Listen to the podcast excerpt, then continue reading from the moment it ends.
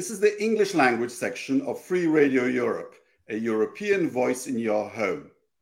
We've just had the NATO summit in Vilnius.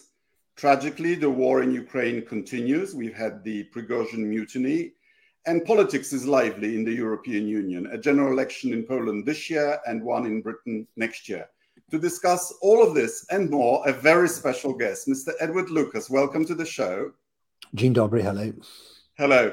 Edward Lucas was uh, the recipient of first of the first visa from Free Lithuania, then uh, a correspondent for the BBC, managing editor of the Baltic Independent, Moscow bureau chief of The Economist, and already in 2007 was warning us in his book, The New Cold War, about Putin and Putinism.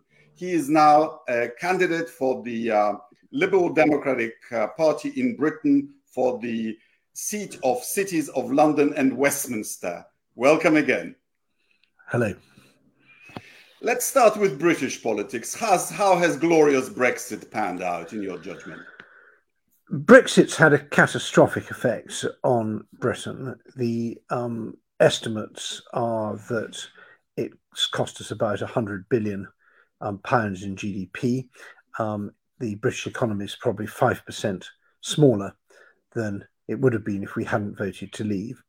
And so that means the less trade and investment, also less taxes being paid, worse public services, and we are really struggling to maintain the level of public spending that we need uh, with the uh, tax burden that's already very high and, and out of control borrowing. So that's a huge cost.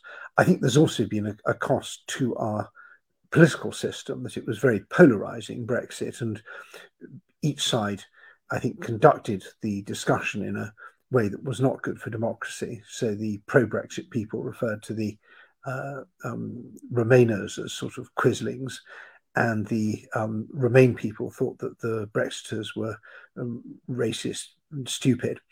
And so that, let, me stop that, So that poison mean, still there.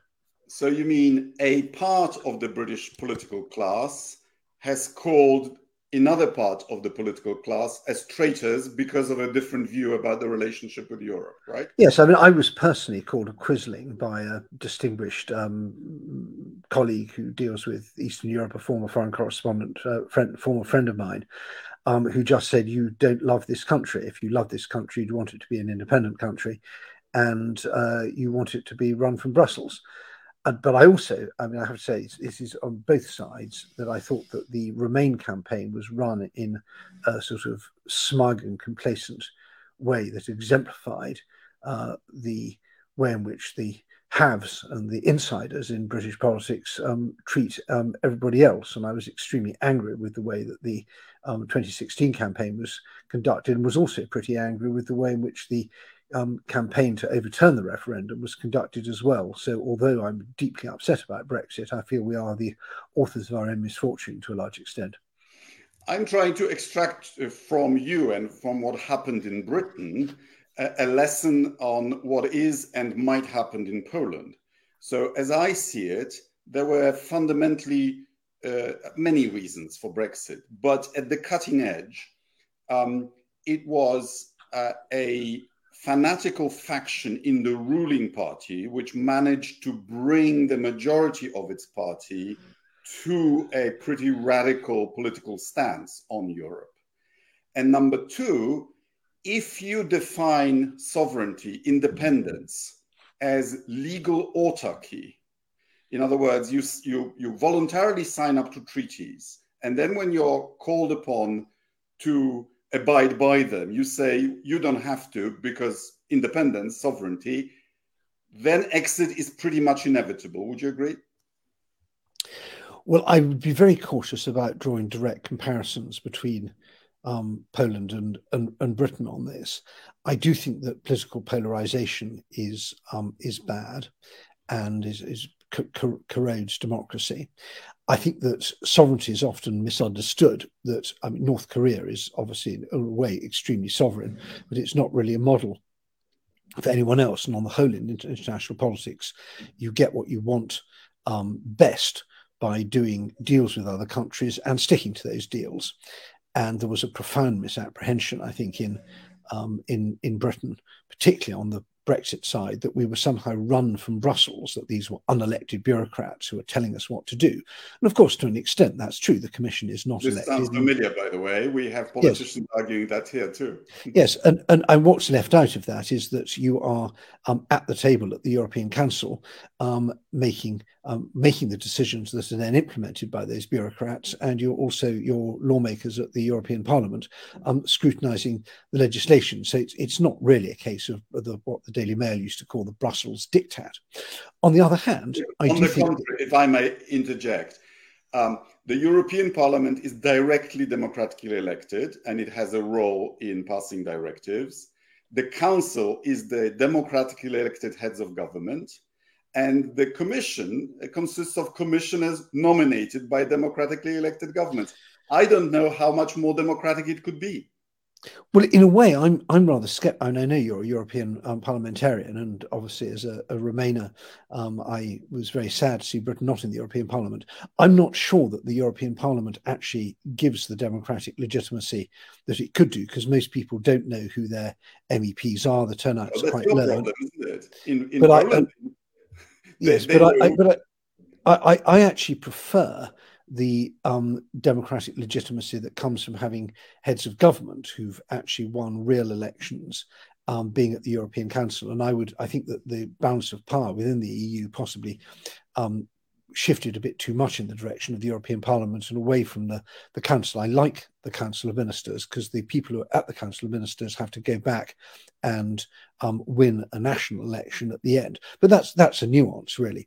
However, I do think that there is a gulf between the sort of people who understand the difference between the council, um, the commission, and the parliament, and are sort of fluent in what one might call Eurospeak, and a large slice of the population that isn't. And one of the reasons behind um, Brexit I think, in, in, in Britain and possibly in Poland is this feeling of a sort of democratic disconnect that they up there are talking about things that have an effect on me down here. And I don't, and, and no one's really respecting me. No one's having my say. Uh, I'm not getting my say. And you Which saw very. The people of Texas talk about Washington, right? I mean, the bigger the, the polity, the, the greater the danger of the disconnect, right? Yes, it's interesting. I mean, I mean, there seems to be more. I think. I mean, one could test this, but there seems to be a bit more Euroscepticism in, in and this sort of anti-establishment feeling in big countries than small ones. So I think if you're in a country like Estonia, a million people, everyone knows everyone. It's quite hard to imagine that it's run by a sort of out-of-touch elite establishment. But I do think that over the last twenty or thirty years, uh, we have failed um, as sort of decision makers and opinion formers in the big industrialized democracies to take advantage of the enormous sort of dividend that we, we, we gained in 1991 with the collapse of communism. That com- the Cold War sort of kept us on- honest, and we were very worried about communism. We had to um, keep our game very high in order to deal with it. And I think there's a kind of laziness among the political class and taking things for granted, which has given a lot of openings to the Nigel Farages and the Donald Trumps um, of this world and, and their well, counterparts. Nigel lost his account at Coutts Bank, the millionaire's bank, huh? but he's still drawing a nice pension after serving uh, for 20 years in the European Parliament, uh, denouncing European elites. Yes, but I think you know no, there's no rule that says you have to um, if you if you disagree with the European Parliament, you still get ele- you get elected there.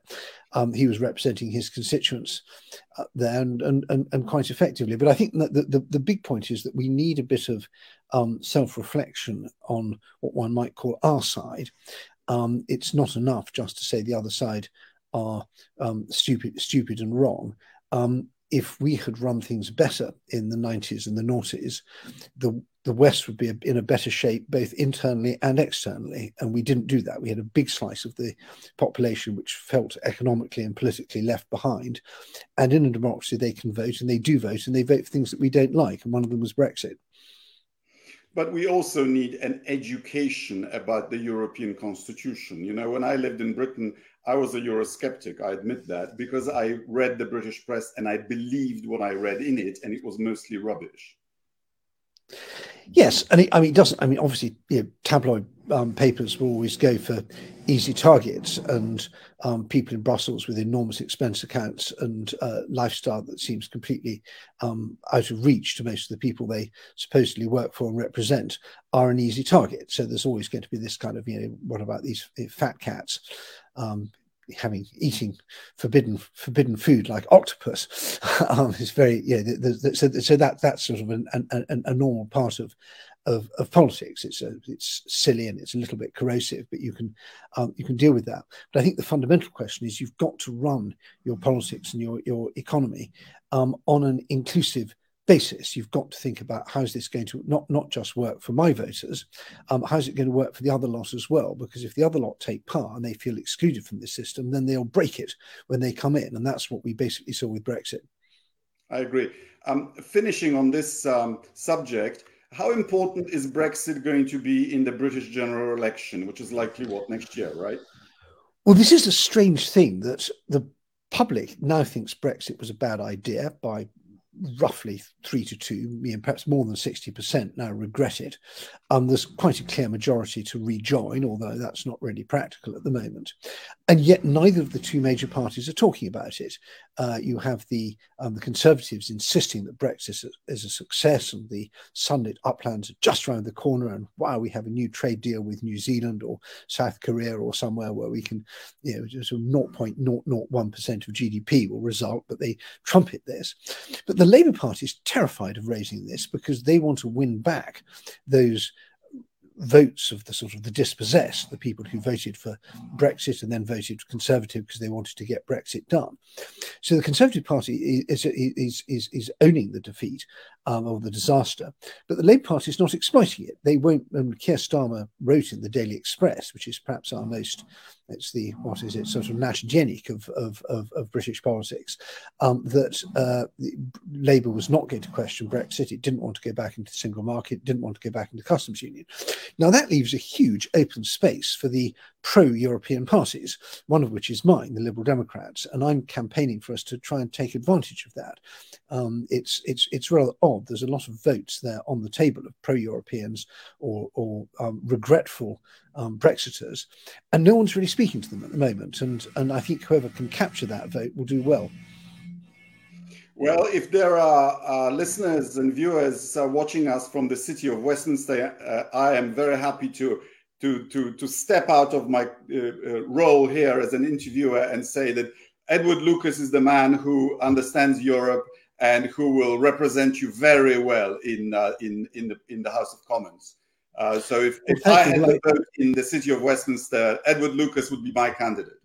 Well, thank you so much. And I, we, we actually have quite a lot of polls um, in our um, team and in among our supporters, and uh, we are very grateful. We always, always have more. Good luck with that. You were one of the early uh, critics of um, Vladimir Putin, and you were, perhaps more to the point, uh, uh, warning the entire West about how dangerous this man is at a time when this was an outlier view. Uh, your book, as we've already mentioned, The New Cold War, was published already in 2007. There were others, but you were very prominent. And of course, you've been vindicated. Um, uh, however, uh, as you know, uh, there were also some elements in Putin's policy that um, gave some people some hope that he may modernize Russia. He was very lucky in uh, coming uh, in the wake of Boris Yeltsin, who um, uh, uh, uh humiliated Russians, who uh, um, presided over the loss of both the external empire, the internal empire, huge looting of property, huge disparities of wealth he was initially seen as a man bringing stability, some uh, financial um, stability. Uh, he was lucky in that the oil prices started to rise. And well, that's the point, really. Yeah. I mean, I mean, I mean, yeah. J- just if you rerun the last thirty years and imagine that Yeltsin had had Putin's oil price and Putin had had Yeltsin's oil price, you would have a very different story. I mean, oil was um, crashing down to single figures um, five, six, seven, eight dollars a barrel at one point in the in, in the nineties, and that was catastrophic for Russia's finances. And Yeltsin, who made some terrible mistakes but also got some things right, um, paid a very heavy political price for the um, economic chaos. I wouldn't quite say that he, I don't think he deliberately set out to humiliate Russia, but it was a time of perceived humiliation for many Russians. Uh, and I think that it's not antithetical to say that Putin wanted to modernize Russia, but he was also very bad news for us.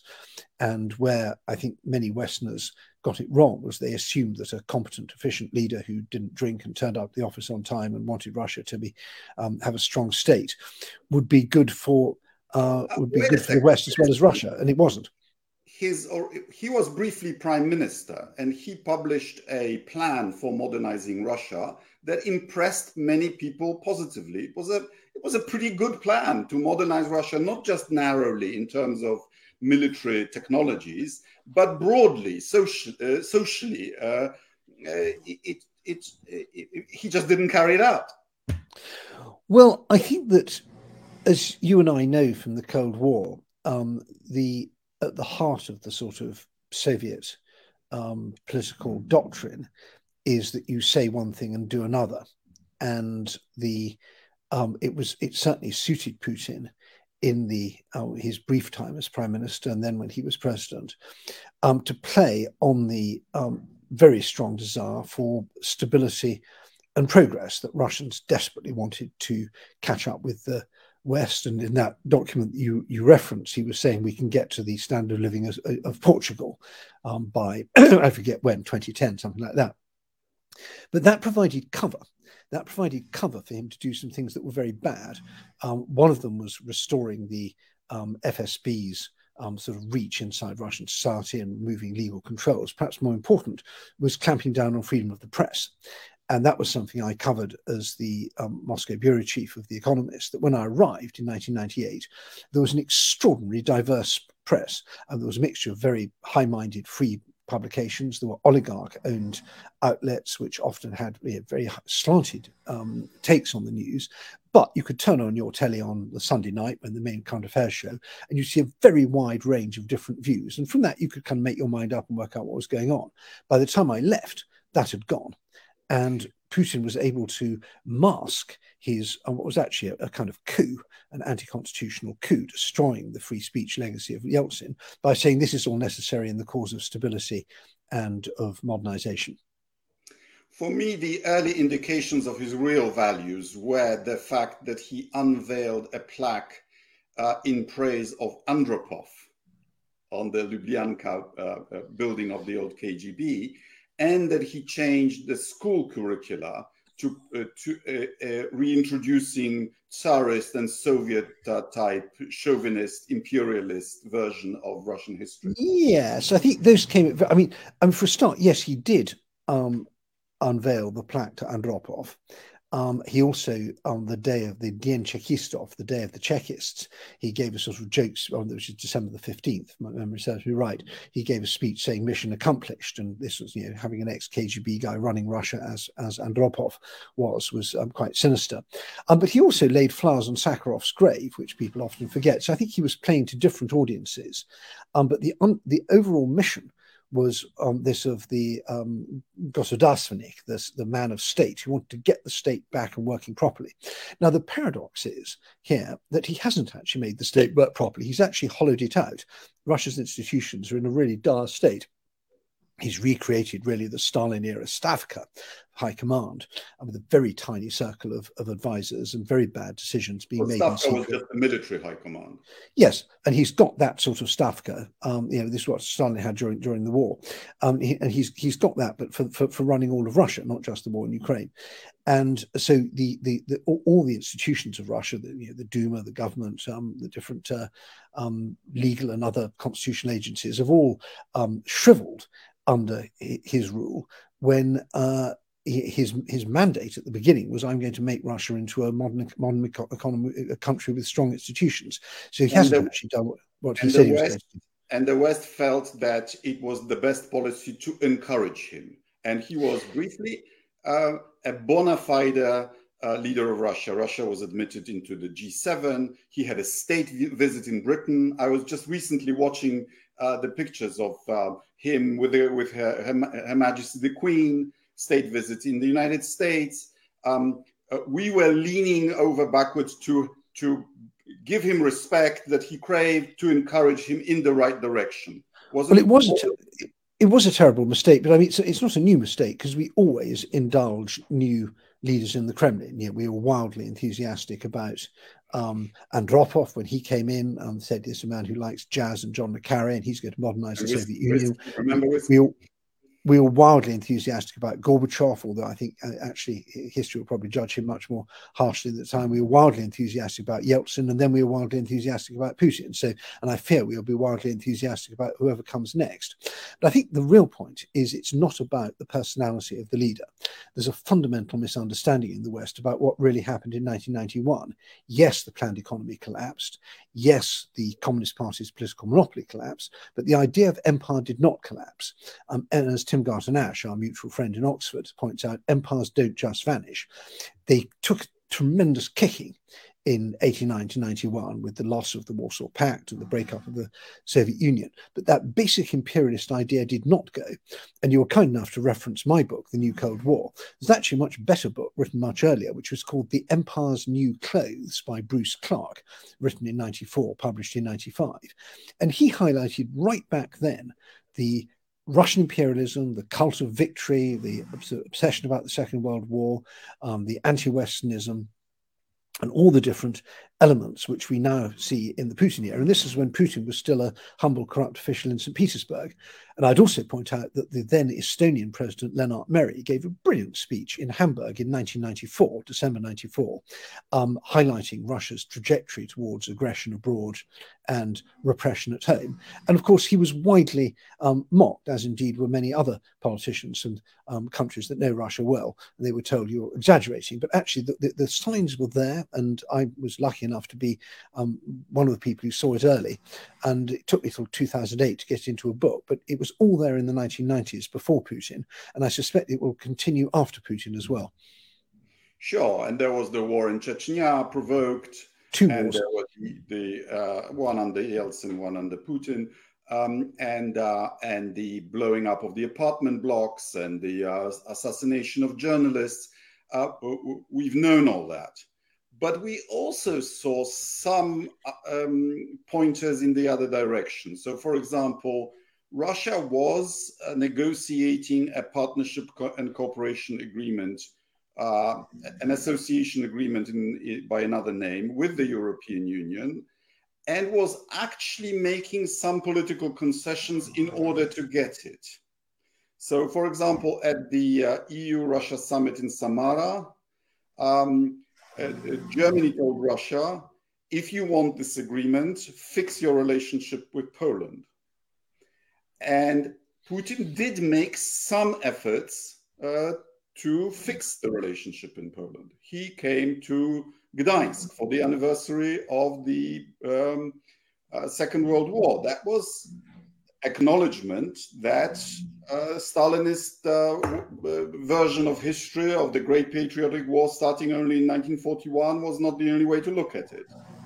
Putin was the first uh, leader of Russia to come to Katyn on the 7th of uh, April uh, 2010.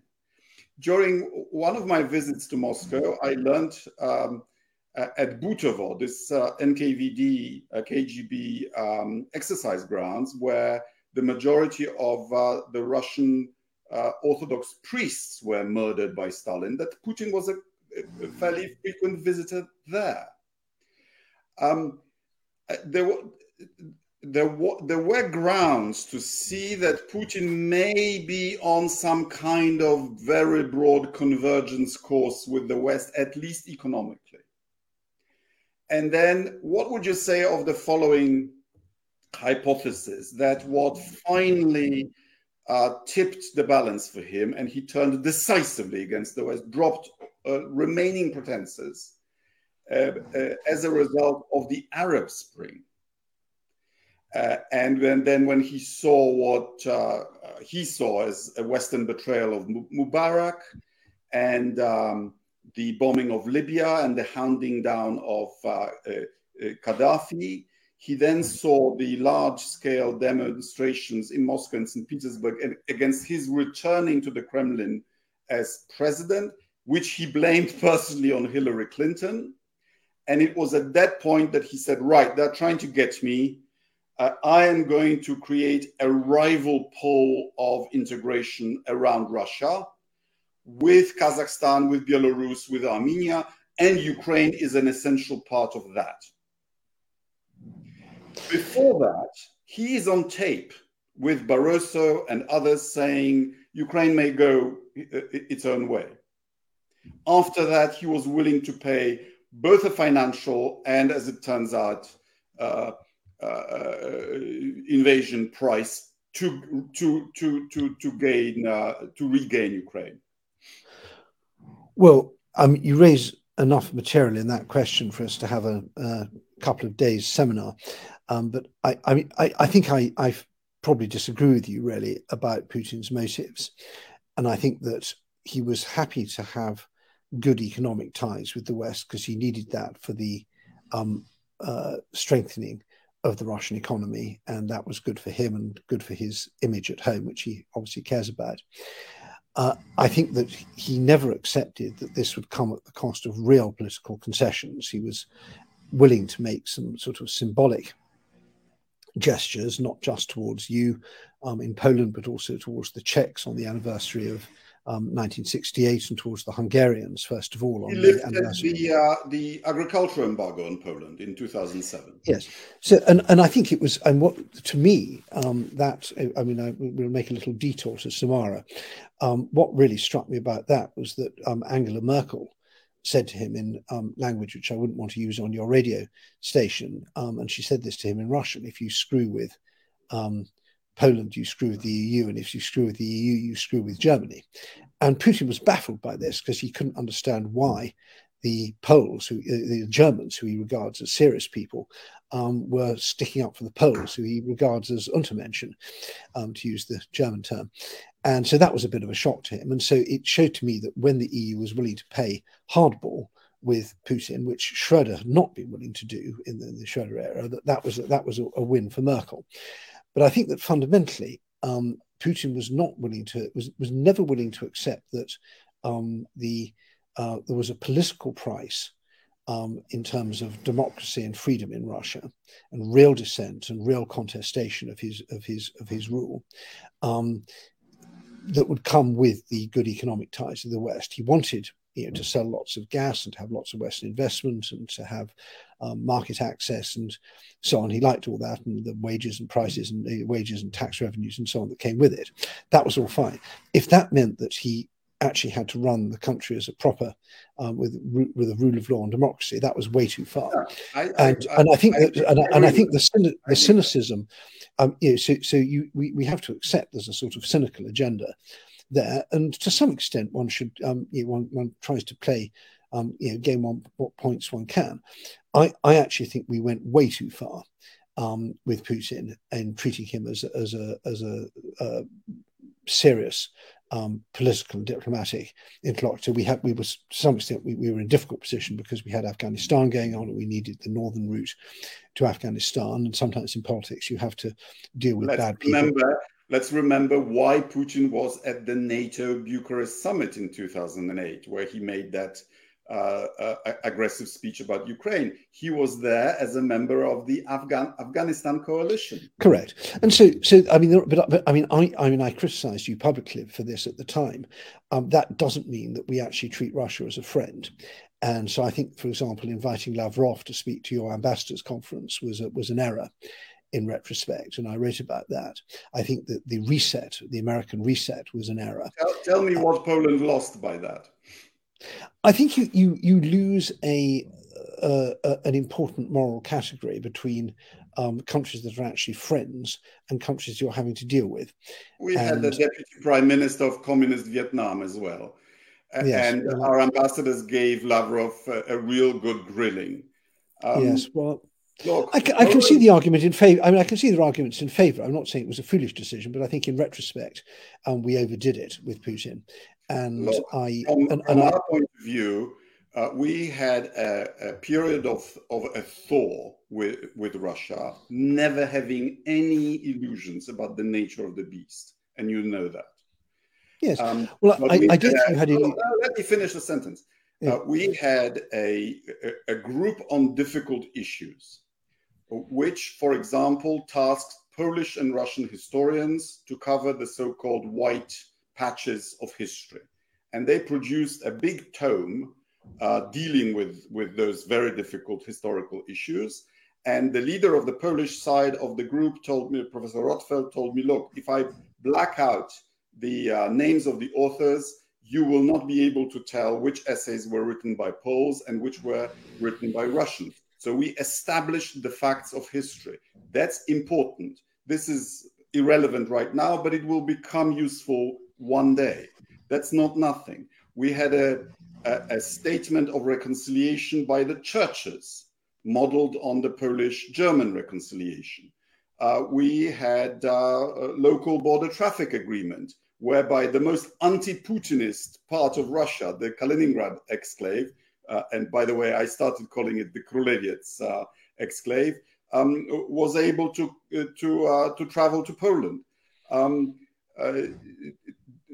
we were uh, encouraging Russia's modernization while all along having a plan B, spending solid 2% of GDP on defense, warning allies about uh, Sevastopol, about Crimea. I had I put the only EU uh, consulate uh, in Crimea, getting uh, contingency plans for the defense of Eastern Europe, getting signing up to the American um, missile defense base, and the and we got the first presence of U.S. troops on our, our soil. Um, and I put to you that if there is a change of leadership uh, in Russia, we will have to go back to something like that again, encouraging on the one hand and preparing for the possibility that, for the likelihood that it might not work. Uh, just in case. Well, I'm delighted you had the plan B, and the plan B was um, worked much better, um, you know, in, in in retrospect than the plan A. I think there's oh, there look, are others didn't have a plan B. Germany didn't have a plan B. I agree. I'm not. I'm, I'm not defending. I'm not defending Germany, and I and I, I commend you for having had a plan B. And uh, and there were other countries that also had plan B, and many others that didn't. But I think that there's uh, there's. I mean, to take one small case, um, I think that we could have done. There were some very important anti-Putin protests in Kaliningrad, um, which didn't get the support from the West that they could have done because we were being nice to Putin. Um, that's one thing that sticks in my memory. But I think in the end, you, you, you got you got you got your um, you, uh, some some some deals with Putin. They have no. Um, it, it, turned out that Putin was able to tear them up again, and so we see Katyn denialism, which I highlight, which was just beginning to creep back in, I think, 2006. It was the first article in the Nezavisimaya Gazeta on on raising the sort of um, Soviet lie, lie, about Katyn. Actually, um, actually, no. let me stop you because you may actually not know about this. Uh, before the financial crisis in 2007, the Russians were talking about a multi-billion, creating a multi-billion dollar fund to compensate the families of Katyn victims. Yes, well, let, let me just get my. Um, I've got the reference here on my. So I think I think you're you're right that the um, that you you nailed the sort of first iteration of Katyn denialism, and that was good. Um, um, but and also um, remember that after the Smolensk air crash, uh, the, the movie Katyn was shown on. Yes, I'm, not, I, am not disputing that, Radek. I, am saying you, you, you, you, you, you. I mean, at a time when things were going wrong on Katyn, um, you were able to, um, you were you, you were able to, to to push the Russians in the right direction, and that was good. Um, but unfortunately, it's now back again. So although you, you, these these concessions, um, you, you banked them at the time, but they've they've evaporated since.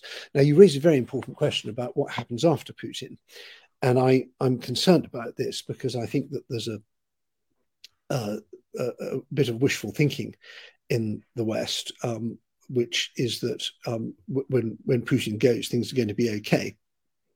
I think that's rather unlikely. I think it's much more likely that we either get Putin 2.0, so someone else doing something pretty similar, or we get someone a lot worse, a sort of Prigozhin full-on fascist type, or well, most, most I likely, mean, hang on, but, but I, just to finish, or most likely, I think we get a smutnoye vremya, a time of troubles, like we had in 1598, um, a time that Poles remember well because they got to Moscow then, um, with uh, with a, um, six, for burning, for burning down Moscow.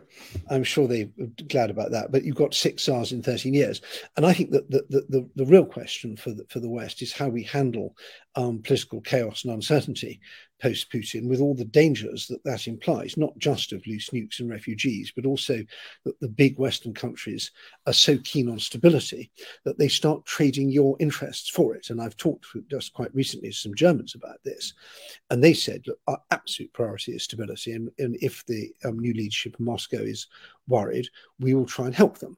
And I said, well, what's that help going to invo- involve? It will be questions about NATO's posture in Eastern Europe, where the Russians will say, watch out, that's very provocative. Don't put you know, nuclear weapons in Poland. It'll be about security guarantees for Ukraine. Don't put um, you know, Western troops in Ukraine.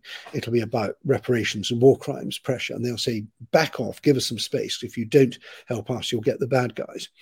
And I see a big split looming here where um, West European countries are going to say, we'll have to accommodate the new leadership in Moscow for fear of finding something worse. And the Easterners are going to say, hang on, you're trading security, our security for your stability. And I'd be interested to know what you think about that. Well, that's why I find I, I, think we should encourage the discussion that's taking place among Russian opposition and hope that it will seep into a discussion within the Russian elite about the end of empire. Uh, when Khodorkovsky, uh, um, Kasparov and others say that uh, uh, empire is bad for Russia, that Ukraine's border borders have to be restored in their internationally recognized shape, and that Russia needs to pay reparations from future oil and gas revenues. That's good. That today may seem uh, irrelevant, but you know, in our part of the world, in particular, exiles sometimes uh, become the government. Um, Indeed. Uh, so, uh, so uh, the, the number one um, condition for the new Russian leadership has to be uh, giving up uh, the empire. And I see the G7 statement from Vilnius uh, day before yesterday as going in that direction, saying yes. we will only um, restore your access to your central bank reserves when you have first paid reparations to Ukraine good. Yes, yes. I think I, I'm I'm delighted with the stance we take now.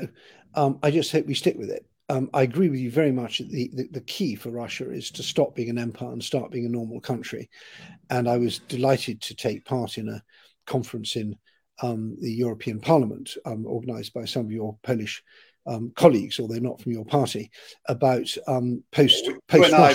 Uh, in rival in rival uh, European groupings, as yes. you know. Yes, I know, but, but it was it was very good to raise this. I'm not sure that I endorse um, everything that was said there, but need to be discussing what happens next is really important.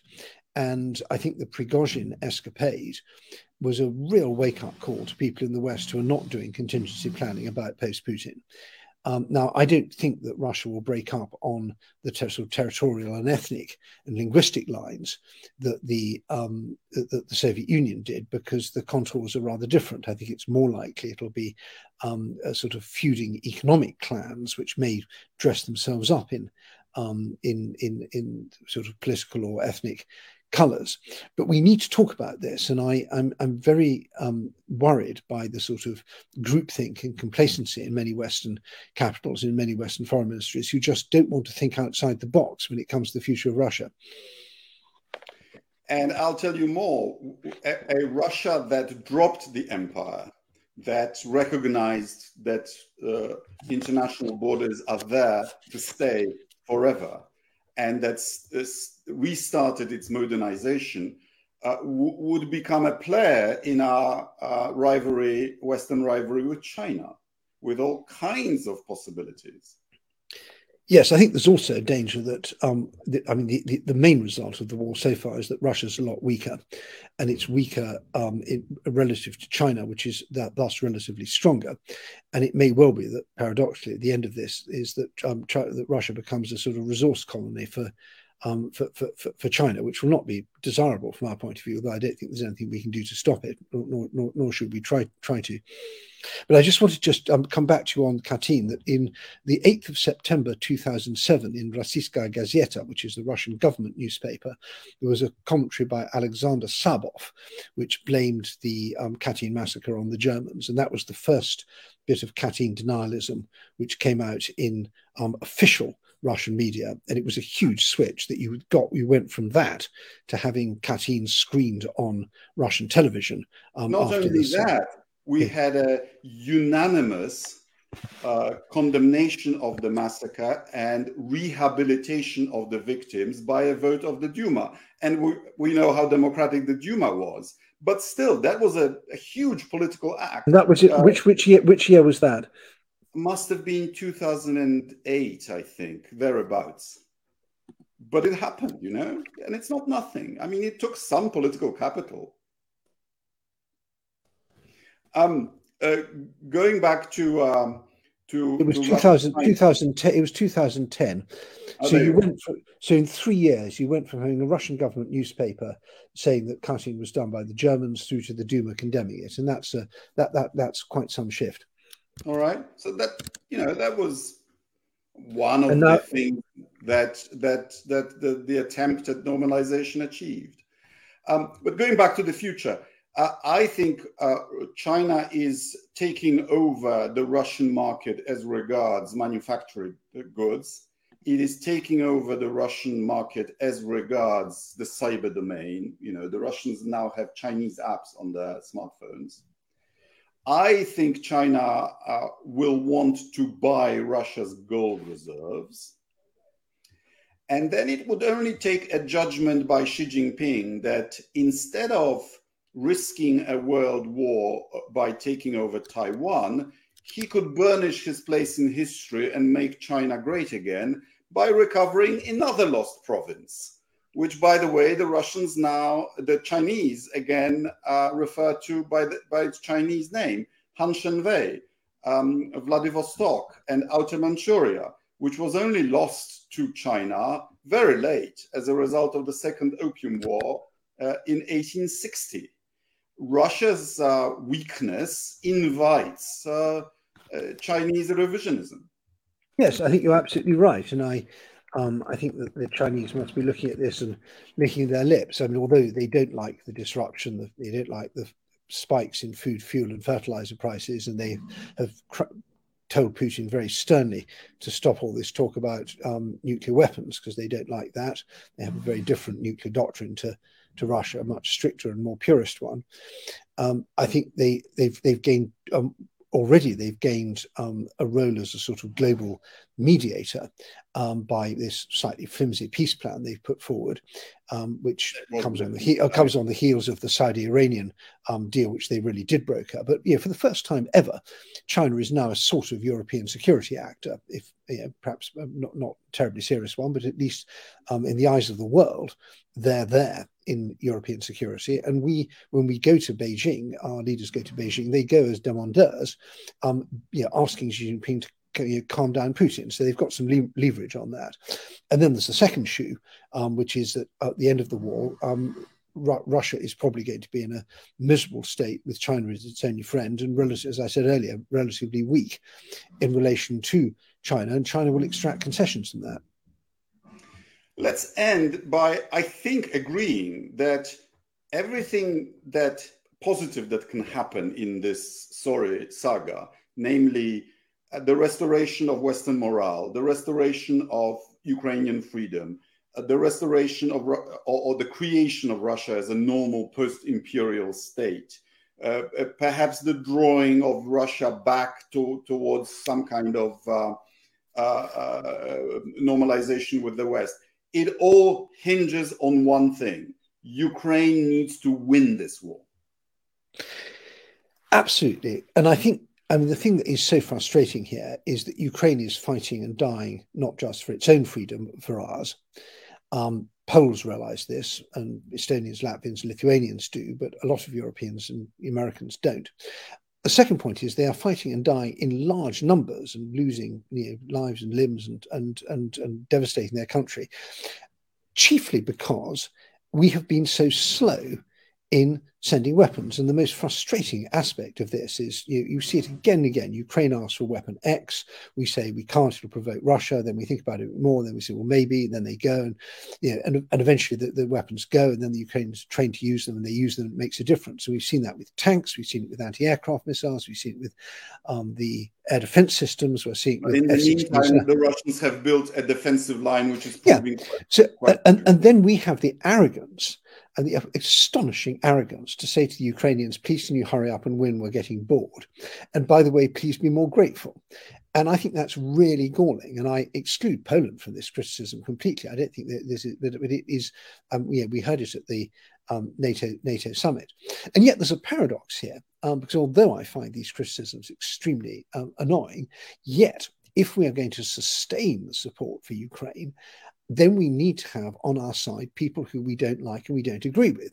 And that means reaching out to left wing Democrats who think that the war has got up by you know, to imperialist warmongering and the right wing, um, the Trumpian Republicans who think that Ukraine is a sort of um, outstation of the Biden um, conglomerate and that uh, foreign entanglements are bad anyway. It means talking to sort of pacifist Germans. It means talking to large slices of the French political spectrum on the left and right, and and many other pe- pe- people besides who don't see things our way. And so, on, on, the one hand, we should be it's it's outrageous. We expect the Ukrainians to do more, and yet we have to say to them, guys, we've got to make the case better because um, elections are coming, and um, we can't be sure that the same political constellation that's helped you so far is going to be there in the future. Um, so you and I are going to be very busy with this in the weeks and months ahead. Edward, thank you very much for your time. We need to win. We need to win in Ukraine. We need to win in Poland, and we need to win in the city of Westminster. Slava Ukraine! Geroim Slava. Thank, thank you, so for the much. conversation. This has been the English language section of Free Radio Europe. If you've enjoyed it, please share and uh, subscribe to my uh, channel on YouTube. Thank you very much. See you next time.